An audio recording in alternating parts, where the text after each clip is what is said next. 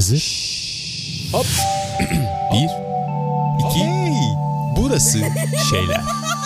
şeyler. Sinan Özdemir. WWW yani World Wide Web'in mucidi Tim Berners-Lee'ye Reddit'in organize ettiği bir etkinlikte enteresan bir soru geldi. İnterneti kullanmamızın ana nedenlerinden biri haline gelen ve en başında sizin düşünmediğiniz bir şey var mı? Mucit Lee'nin cevabı daha da enteresandı. Kediler.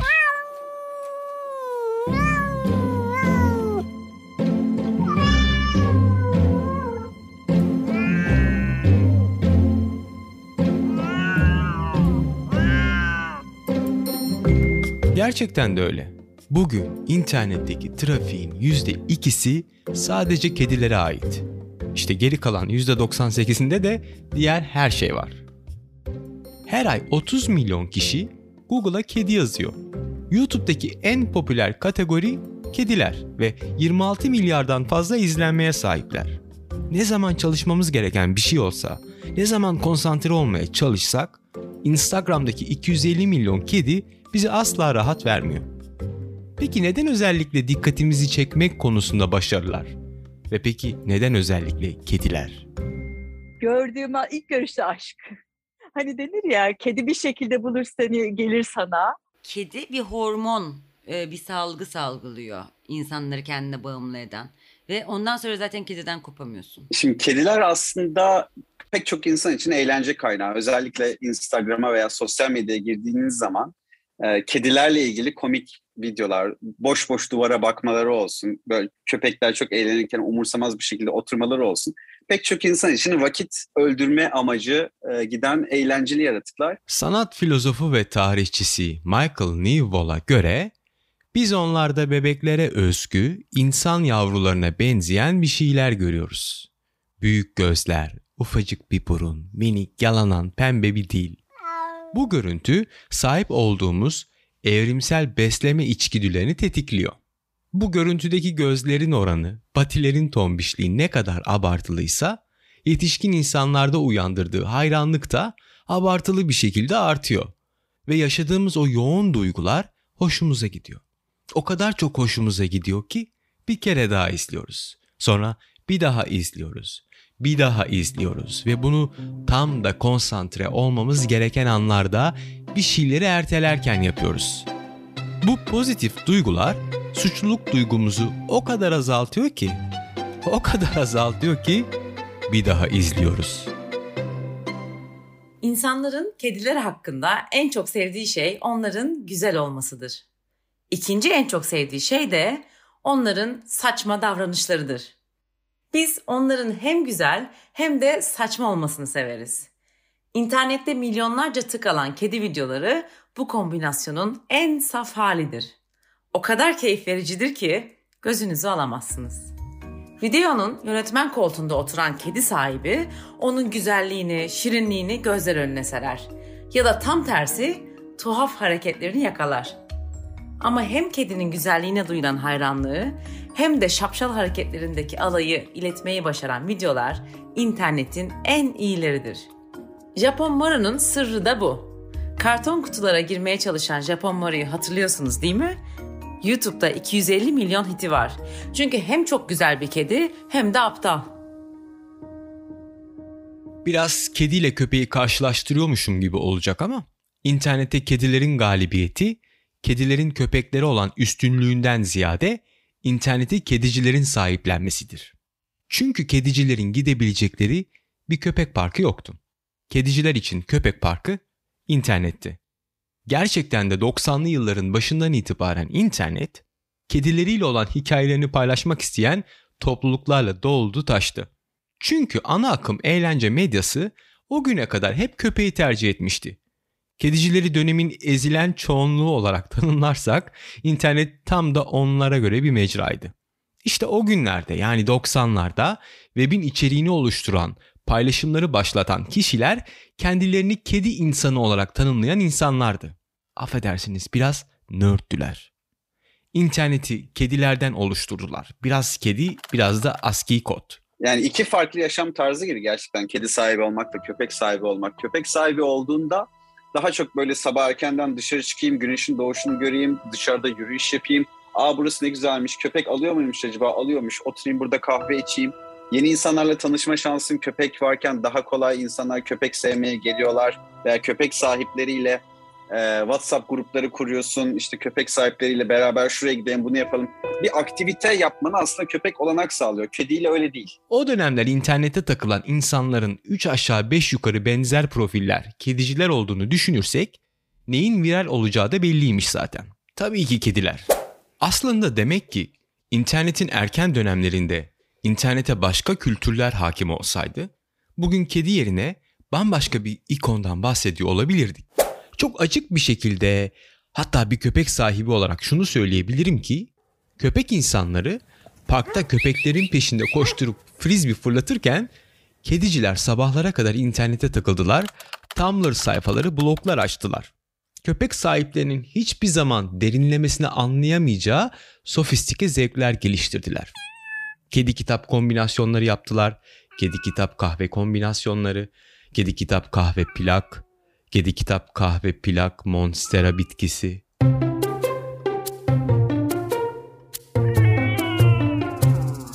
Kediler ve köpeklerin farklı olması e, haliyle onlarla yakın psikolojik bağlantıları olan sahiplerinin de farklı kişilik özelliklerini açıklıyor.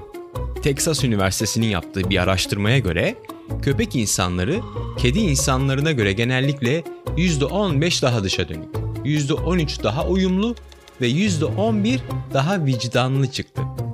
Buna karşılık kedi insanları köpek insanlarına göre %11 daha açık kafalıydı ve %12 de daha nevrotik. Ayrıca şu internetteki kedi mimlerinin tonu ve kimliği üzerine yapılan bir başka araştırma, internet kullanıcılarının kedileri ve buna bağlı olarak kedi insanlarını ve yani dolayısıyla kendilerini ilginç, kaprisli, sevimli tuhaf, ilham veren, yaratıcı ve anlaşılması zor olarak gördüklerini ortaya çıkardı. Buna karşılık köpek mimlerinin köpek insanları hakkındaki çıkarımları ise itaatkar, akılsız, talihsiz, sakar, gülünç, basit, kaba ve pasif olarak içimizi cızlattı.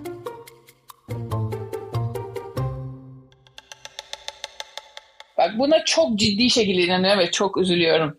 İnsanlar kedileri sevmiyorum dediği zaman ve köpek sahibiler özellikle bu insanlar acayip derecede üzülüyorum. Çünkü onun gerçek sevgi olduğuna inanmıyorum. Kontrolü sevgiyle karıştırıyormuşsun gibime geliyor. Çünkü köpeği kontrol edebiliyorsun, kediyi edemiyorsun. Edemediğin için kediyi sevmiyorsun. Hayvanları ya seviyorsun ya sevmiyorsun. Kedici ya da köpekçi olmak gibi bir şey yok benim için. Öte yandan Kedi videoları sınıf, cinsiyet ve milliyet sınırlarının hepsini birden aşar. Disney karakterlerinden daha evrenseldir. İnternette kediler vasıtasıyla konuştuğumuzda, yani WhatsApp'ta kedi mimleri kullandığımızda mesela ya da herhangi bir sosyal ortamda herhangi bir kedi, dikkat ederseniz kedi köpek değil, kuş hiç değil. Aslında ben biraz böyleyim diyoruz. Ben biraz tembelim. Benim huysuzluğum tatlıdır çok zor bir kelime söyleyeceğim şimdi. Antropomorfizm. Yani insan şekilcilik. Yani insan dışındaki varlıklara insani özellikler adetmek. Bir hayvana insanvari duygular yakıştırmak. Objeleri antropomorfize etmemizin üç temel nedeni var. İnsan yüzüne sahip gibi görünmeleri, bir şekilde öyle ya da böyle bize arkadaşlık ediyor olmaları ve adeta insanmışçasına özgür iradesiyle tahmin edemediğimiz davranışları sergilemeleri. İşte kedilerde bu üçü de var. O yüzden kediler bizi çok iyi ifade ediyorlar. Öte yandan da biz kedilerle çok derin ilişkiler geliştirebiliyoruz. Hepimiz onların huysuz olduğunu söyleriz. Şaşırmış hallerinin fotoğraflarını, konuştukları ya da piyano çaldıkları videoları paylaşırız.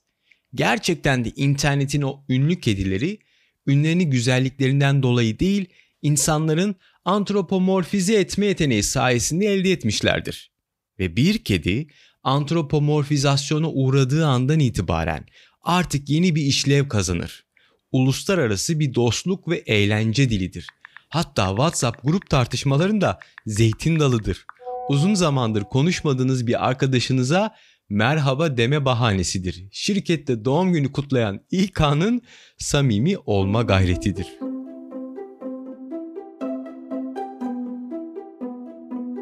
İnsan beyni bazı belirli fiziksel özelliklerin büyük gözler, küçük burunlar, yuvarlak yüzler, sevimli olduğunu düşünmeye programlanmıştır. Neden?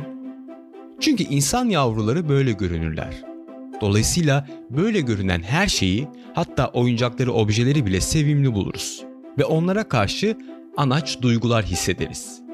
Sevimlilik hayatta kalmak için gereklidir ve bu köpeklerin hele ki evde saksı gibi baktığımız köpeklerin zevki sefa içinde yaşayabilmelerinin sırrıdır. Ama Şirinik internetin neden kedilerden oluştuğunu açıklayamaz. Kedilere karşı duyduğumuz saplantının bir diğer nedeni de kedilerin bugüne kadar hala gizemli ve vahşi yaratıklar olarak kalmasıdır. Evcilleştirdiğimiz ve ihtiyaçlarımız için yetiştirdiğimiz köpeklerin hatta diğer türlerin, atların, ineklerin aksine kediler temelde kendilerini evcilleştirdiler. Bu onların tercihiydi. Şöyle olmuş, insanlar yerleşim üzerine geçtiği zaman kediler de kendi kendine bizim hayatımıza adapte olmuşlar. Çünkü ambarlarda biz e, özellikle yiyecekleri depolamaya başlamışız ve oraya fareler de dalmış. Kediler de gelip o fareleri yakalıyormuş. Kendi kendisine bizim hayatımıza girmişler. Biz de insanlar demişiz ki o ne güzel fareyi de yakalıyor. E, tatlı da minnoş da bir şey. Tamam bu burada ambarda takılsın. Hatta dur eve alayım evdeki fareyi de yakalasın. Kediler öyle hayatımıza girmiş. Kendisi gönüllü gelmiş. Yani biz hiçbir şey yapmamışız evcilleştirmek için. O da tabii ki ister istemez özünü korumaya devam ediyor. Ben kendim geldim. Ben böyleyim. Ne yapayım diyor. Beni böyle aldı diyor. 10 bin yıldır bizimle yaşamalarına rağmen ev kedilerinin hala yarı evcil oldukları ve köpeklerden çok daha az deforme edildikleri konusunda bilim adamları hemfikir. Yaptıkları o komik ve tuhaf hareketlerin köklerde bir yerde evcilleştirilmemiş nedenleri var yüz binlerce yıl öncesindeki atalarından miras içgüdüsel davranışlar. Bu hayvancağızlar tarih boyunca hem avcı hem de avdılar. O yüzden biraz ürkek, biraz tedirginler. Kendilerine özgü kas yapıları ve dört ayak üzerine düşen denge yetenekleri sayesinde korkusuzca tepelere, seyir noktalarına tırmanır, yukarıdan avlarını arar ya da tam tersi av olmaktan kaçarlardı. O yüzden bugün kütüphanenin tepesinden oturma odasını izliyorlar. Kedilerin vahşi doğadaki avları küçüktür. Günde birkaç kere avlanmaları gerekir. İşte bu yüzden sürekli olarak oyuncakların üzerine atlarlar. Kaldı ki o küçük avlar da hep küçük yerlerde saklanırlar. O yüzden de kediler küçük yerlere girebildiği her delikten içeri girmeye meraklıdır.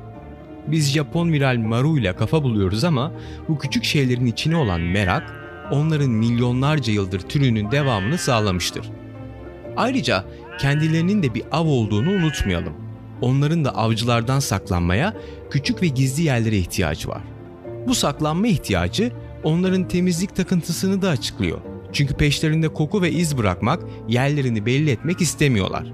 Mobilyalar olan nefretse aslında nefret değil. Avlanmak için tırnaklarını keskinleştirip biliyorlar.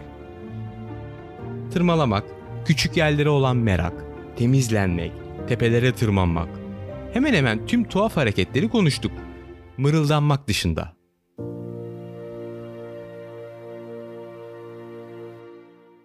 Ağzını açmadan diye sesler çıkıyor mesela çocuk gibi. Bir şey isterken bir şeye tepki verdiğinde ya da biz konuşuyoruz ona bakıyoruz birden. Onun hakkında konuştuğumuzu anlıyor ve yapıyor mesela. Bu mırıldanmanın bir hoşnutluk göstergesi olduğunu düşünürüz. Sanki zevkten inliyormuş gibi.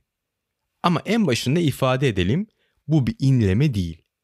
Kedinin bu sesi çıkarabilmesi onun kendine özgü hioid kemiği ve gırtlak yapısı sayesindedir. Diğer duyduğumuz seslere benzemez yani. Zaten bu sesin frekans aralığı da çok özeldir.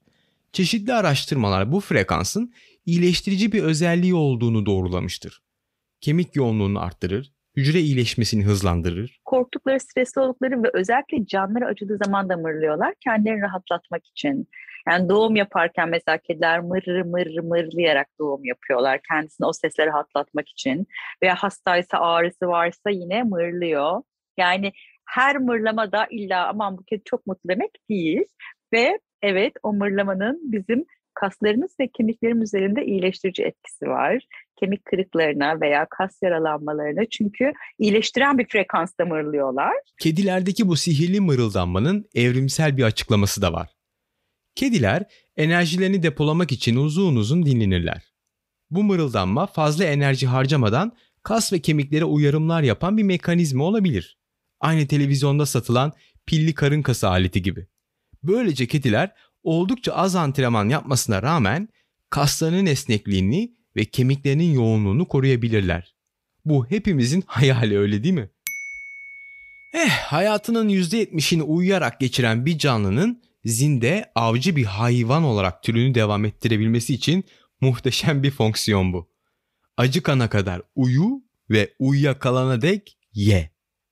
Genetik yapılarının %95.6'sını kaplanlarla paylaştığını not düşeyim. Uykuya neden bu kadar düşkün olduğunun bir bahanesi olsun. Ama asıl bahanesi gerçekten de yapacak bir şeyleri yok. Bugün kütüphanenin tepesinde, kanepenin altında kendi kendine aksiyon yaratan hayalperest kedilerin draması, küçülen ve sokak seviyesinden yükselen evlerle daha da acınası hale geliyor. Normalde çocuklara televizyon, iPad falan tavsiye edilmez. Ama birçok veteriner kedileri zinde tutmak, zihinlerini meşgul etmek ve eğlendirmek için kediler için özel olarak tasarlanmış tablet oyunları ya da YouTube kanallarını tavsiye ediyor.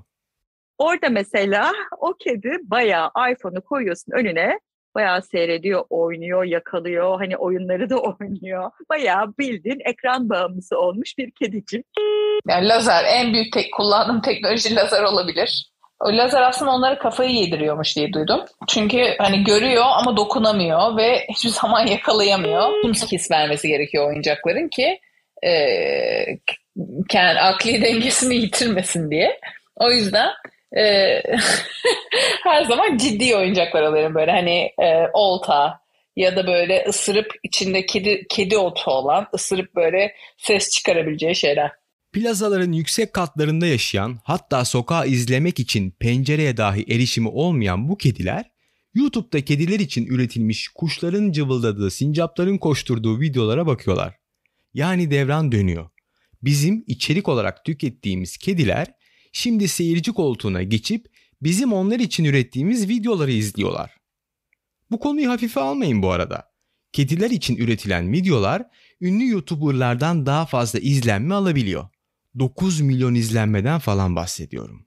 Ama ben çok yanlış bir yerden yakaladım. Ee, sanırım Vivaldi'ydi. Bir e, violensel konçertosu tadında bir şey açmıştım ve o böyle çok sert bir giriş yapmıştı.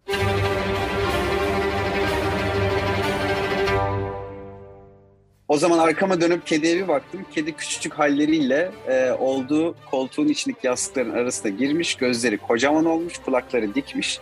Acayip korkmuş bir şekilde bana bakıyordu. Dedim ki biz yanlış yerden yakaladık. E, bu işi daha sonra deneyelim. Ondan sonra klasik müziğe hiç girmedik. Çünkü Yoda zaten hep sakin. Hiçbir zaman e, koşuşturayım, ıslayayım, tırmalayayım modunda değil. Genel hali sakin bu hayvanı ben daha çok nasıl hareket ettiririm? Birazcık onun üzerine uğraşıyorum sakinleştirmek için. Dışarıdaki şartlardan bağımlı olmaksızın kedi mutlu bir hayvan. Kedi kendine yetebilen bir hayvan. Mamasını mı almadı? İki dakika sonra gerilip ah diye ses çıkarıp hala mutlu olabilen bir hayvan. Aslında kediyi rahatlatmak için onu kendi haline bırakmak yeterli. Kendi halinde mutlu olabilme, kendine yetebilme, hiçbir şeye ihtiyaç olmadan huzuru içerisinde hissedebilme e, fikri çok güzel ve bu bu kedilerden özellikle kedilerden olmak üzere hayvanlardan öğreneceğimiz çok şey var. İçgüdüleri çok huzurlu kedilerin.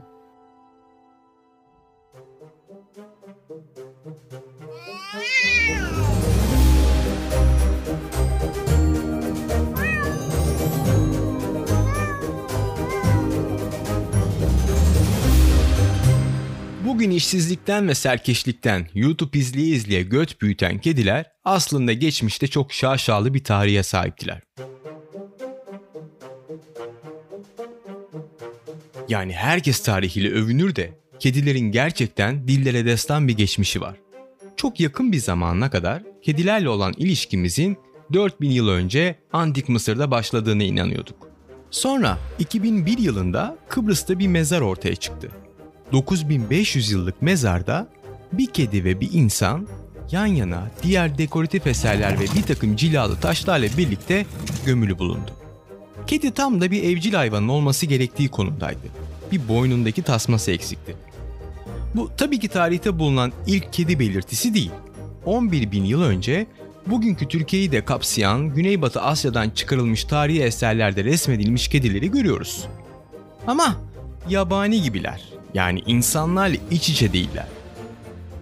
Fakat Fransız arkeologların şurada yavru vatanda bulduğu mezar bir insanla bir kedinin ortak bir yaşama sahip olduğunun çok aleni bir kanıtı. Bu da bize kedi evcilleştirmenin antik Mısır'dan çok daha önce başladığını gösteriyor. Kaldı ki bir kedinin en yakın anakara Türkiye'den buraya yüzdüğünü düşünemeyiz. Ki eğer yüzdüyse artık kedilerin neden sudan nefret ettiğini biliyoruz. Kedilerin insan eliyle taşınarak Avrupa'ya dağıldığı bir gerçek. Anakaradan Kıbrıs'a ya da başka yerlere taşınması nasıl bir bilinçle gerçekleşti? Buradaki senaryo kesinlikle hadi bakalım pisicik seninle at dağa gidiyoruz şeklinde gerçekleşmedi. Bu noktada kediler ne kadar evcildi bilemiyoruz. Zaten bilim adamları kediler için ortak evcilleştirilmiş ifadesini kullanır. Bu ifade fareler, sıçanlar, serçeler ve hatta ilk köpekler gibi aslında insan eliyle yetiştirilmeyen ama yine de insan yerleşimlerine ilgi duyan hayvanları tanımlar. Bu tür hayvanlar depolanmış yiyecekleri talan ederler veya çöple beslenirler veya diğer ortak evcilleri avlarlar. Bu nedenle eski insan yerleşimlerinde kedi kalıntıları bulmak onların evcil hayvan olarak kabul edildiği anlamına gelmez. Gerçekte olan şey avcı toplayıcı insanın tarımcılıkla uğraşmaya başlaması kaçınılmaz bir depolama gereksinimi yaratmıştır. Artık üretilen tüm mahsuller bir yerde depolanıyordur. Bu depolar fareleri ve diğer kemirgenlerin ilgisini çekmiştir ve bu hayvanlar insanların yerleşim alanlarına hücum etmiştir. Kediler de bu fareler için gelmiştir. Bu noktaya kadar insanın evcilleştirme süreciyle ilgili bilinçli olarak yaptığı hiçbir şey yok. Ne zamanki kedilerin hırsız fareleri yakaladığı ve tahıl ambarlarını koruduğunu fark ediyorlar, işte o zaman kediler insanlar için evcil bir hayvan, bekçi, yol arkadaşı, hatta antik Mısır'da tanrıça mertebesine yükseliyorlar. Kedinin dünyaya yayılmasının nedeni de bu tahıl fare, kedi ve insan tamlamasından başka bir şey değil. Ticaret gemileri kıtalar arası seyahatlere büyük yiyecek depoları ile çıkıyor. Ve bu depoların fare istilasından korunması için kediler görevlendiriliyor. Avcı kediler gittikleri yerde limanda karaya iniyorlar. Bazen de geri dönmek istemiyorlar ya da belki de uyuyakalıp seferi kaçırıyorlardır bilemem. Ama türlerinin devamını kaldıkları bu yeni kıtalarda devam ettiriyorlar. Ama bu yolculuklar boyunca kediler ve gemiciler çok sıkı fıkı ilişkiler geliştirdiler. Gemiciler kedilerin büyülü güçleri olduğuna ve onları fırtınalardan koruduğuna inanıyordu. Hatta daha da eğlencelisi kedilerin davranışlarına bakarak havanın nasıl olacağını tahmin etmeye çalışıyorlardı.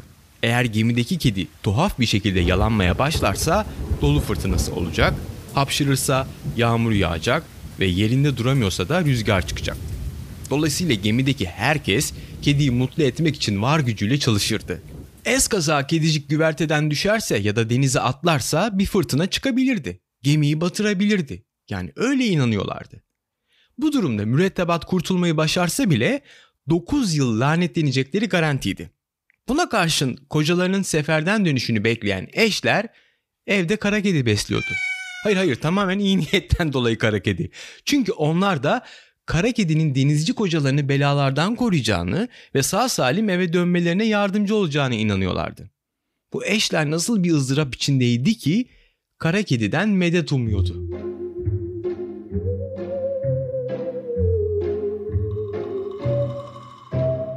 Küçükken inanmazdım ama böyle bir şey duydum da hep bazen diyorum arkadaşlarıma işte evi yeni eve taşınırken bir kara kedi bul evden gir şey bütün odaları dolaştır bütün uğursuzluğunu alır falan. Zeus'un eşi Hera bir zamanlar hizmetçisi olan Galintias'ı Herkül'ün doğumunu engellediği için kara kediye dönüştürmüştür. Yani onu lanetlemiş. Kediye dönüşen Galintias da o en lanet haliyle kendine hizmet edecek yeni bir sahip bulmuştur. O da ölüler ve büyücülükle ilgilenen tanrıça Hekate'dir.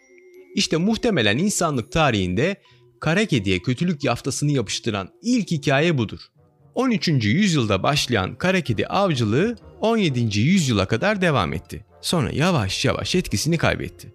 Bugün popüler kültürde korkunç bile değil. Artık aile dizilerinde sevimli bir karakter olarak tasvir edilir. Bu resmen delilik. Ben odama gidiyorum. Hadi Salem. Sütümü bitirmemi bekleyemez miydin? Az önce kedi konuştu mu? Evet. Ve hala şu aptal şapka Aman kafamda. tanrım. Şu çok meşhur Fransız kabaresi Le Chat Noir'ın afişi gözünüzün önüne geldi mi? Hani bir kara kedi bir yerde oturmuş, aşağı doğru kuyruğunu sarkıtmış, yanında da bir yazı var. Chat Noir Fransızca'da kara kedi anlamına geliyor. Masalara oturup içkisini yudumlayan seyircilere, sahnede onlara sataşan bir adam, kenarda çalan bir piyano. O dönem için sahnede gerçekleştirilebilecek oldukça yenilikçi ve bir o kadar da pervatsız bir kurgu.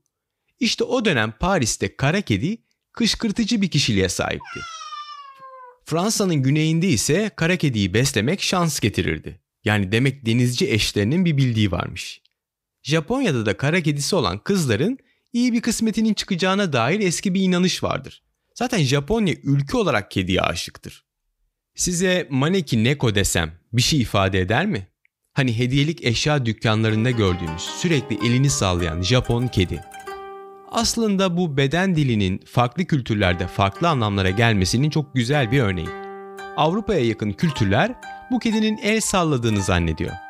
Japonlar birini çağırmak istediklerinde eli yukarı doğru kaldırırlar ve parmaklarını aşağı yukarı hareket ettirerek açıp kaparlar. Bana göre daha çok selektör yapmak anlamına gelen bu hareket Japonya'da birine gel demek için kullanılır.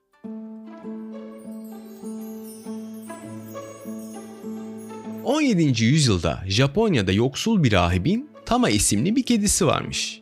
Fakir bir tapınak olmasına rağmen keşişler yemeklerini Tama ve diğer kedileriyle paylaşırlarmış. Günlerden bir gün bir samuray bu fakir tapınağın yakınlarından bir yerden geçerken yağmura yakalanmış. Şiddetli bir yağmur ve bir ağacın altına oturup beklemeye başlamış. O sırada tam ortaya çıkmış, sol patisini kaldırmış ve samuraya bir şeyler anlatmaya başlamış. Aynı Maneki Neko gibi.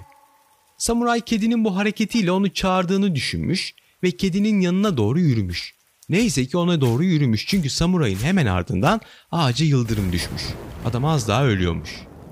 Samuray zengin çıkmış ve kedinin bakımını üstlenen tapınağa yüklü bir bağış yapmış.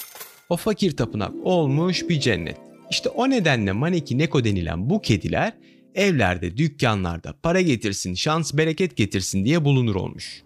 Ama dünya üzerinde kedileriyle ünlü bir yerden bahsedilecekse orası İstanbul'dur. Aslına bakılırsa Türkiye dünya kedi sahiplenme istatistiklerinde ilk 10 ülke arasında bile değil. Ama iş hayatı, şehri ve lezzetlerini paylaşmaya gelince İstanbul kedilere iltimas geçiyor. Özellikle de kedilere. İstanbullular yaşadıkları şehri insan olmayan sahipleriyle de paylaşma bilincine sahipler. Bu kolektif bilinç zaten hali hazırda herhangi bir belediye, PR ya da benzeri bir inisiyatife gerek kalmadan binlerce yıldır süre geliyor. Birçok ülkede sokak kedilerine haşere gözüyle bakıyorlar ve onlardan kurtulmaya çalışıyorlar. Ama İstanbul'da hem Osmanlı'da hem Bizans ve öncesinde sokaklarda, balık pazarlarında, evlerde, hayatın her noktasında insanlarla yaşadığına emin olduğumuz kediler binlerce yıldır bize ev sahipliği yapıyorlar. Pandemide bilmiyorum artık rahat ortam buldular ne oldular bilmiyorum. Çok yavruladılar. Yani yavrulama oranı çok arttı pandemi sırasında. Çok yavru var. Bir yandan da üzülüyorum çünkü tam çok iyi besleniyorlar burada aç kedi yok gerçekten yok ama çok ürüyorlar ve onların sağlığı için o kadar iyi değil o kadar sık doğum yapmak. Beşiktaş Belediyesi'ne bağlıyım ben. Beşiktaş Belediyesi o konuda çok iyi. Ge- arıyorsunuz, geliyorlar, alıyorlar, götürüp kısırlaştırıp geri bırakıyorlar aldıkları yere. Ama orada şöyle bir sorun var. Onların geldiği saatte kediyi tutuyor olmak lazım. Yaşadığım yerler. Ankara, İzmir, İstanbul, İspanya. Her gittiğim şehirde, her gittiğim ülkede, şu anda da İrlanda bir kedi edindim. Benim kediye ihtiyacım var yaşamaya devam etmek için. Bir anda böyle yalnız kalınca çok kedisiz kalmıştım. Hemen dedim bir kedi alayım kendime. Harlem'deki bir şeye gittim. Ee, sığınak. Aslında ilk başta şeyden gördüm, internetten gördüm resmi. Dedim bu benim kedim. İslamiyet'in kediyle arası iyidir. Hazreti Muhammed'in kedilerle nasıl etkileşime girdiğine dair birçok hikaye ve hadisi şerif var. Hatta kendisinin de bir kedisi var. Hatta muhtemelen bir sokak kedisi. Uhud seferi sırasında savaş meydanında onu öyle ortada yavrularını emzirirken fark etmiş ve başına bir şey gelmesin diye de tepesine bir nöbetçi asker dikmiştir. Sonra sefer dönüşünde kediyi almış, eve götürmüş ve adını da Müezza koymuştur. Bazı kedilerin alnında bulunan o bilindik M harfi şeklindeki leke Hazreti Muhammed'in şefkatli dokunuşuna yorulur. Bugün bile Mekke'deki Ulu Cami'nin kapıları kedilere açık. Mahallenizdeki camiye bakın, muhtemelen oradaki cemaatin bile sahiplendiği bir kedi güruhu vardır. İslamiyet'in kedileri sahiplenmesi Osmanlı tebaasının da kedi sevdasını rasyonelize etmiş, şehir hayatının tasarımını kedilerin yaşayabileceği bir kıvama getirmiştir.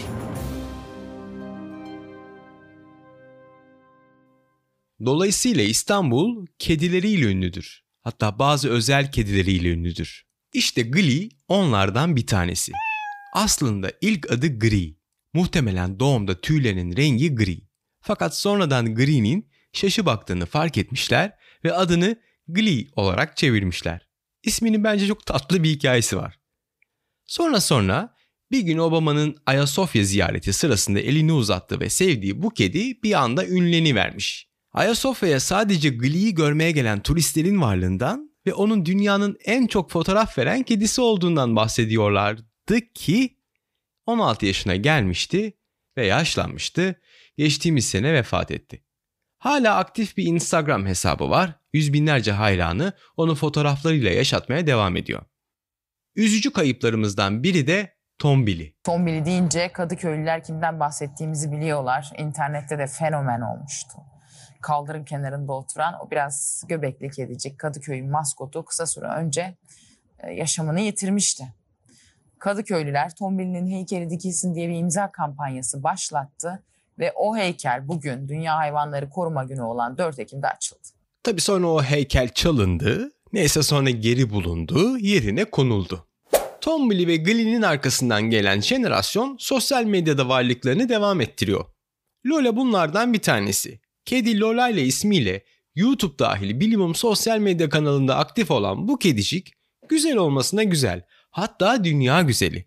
Ama asıl güzelliği kedi severlere birlikte yaşam konusunda ilham veriyor ve rehberlik ediyor olması. Geldik podcast'in sonuna. Bir daha 30 dakikayı aşmayacağım diye herkese söz verdim. Bu podcast'in yapımına, hikayesine ve kurgusuna, sesiyle ve kedisiyle destek olan Lola'nın sahibi Sayın Çağıl Celebe, co-pilot Yaprak Gültay'a, Hilal Koyuncu ve Rakim Metin Balboa'ya, İnci Alkurt ve Sushi'ye, Barış Frenda ve Yoda'ya ve Yener Usme ile Misi'ye sonsuz teşekkürler.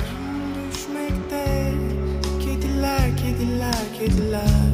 O mesafe öldürmez. Dediler, dediler, dediler. Senle ben bu gece Deliler, deliler,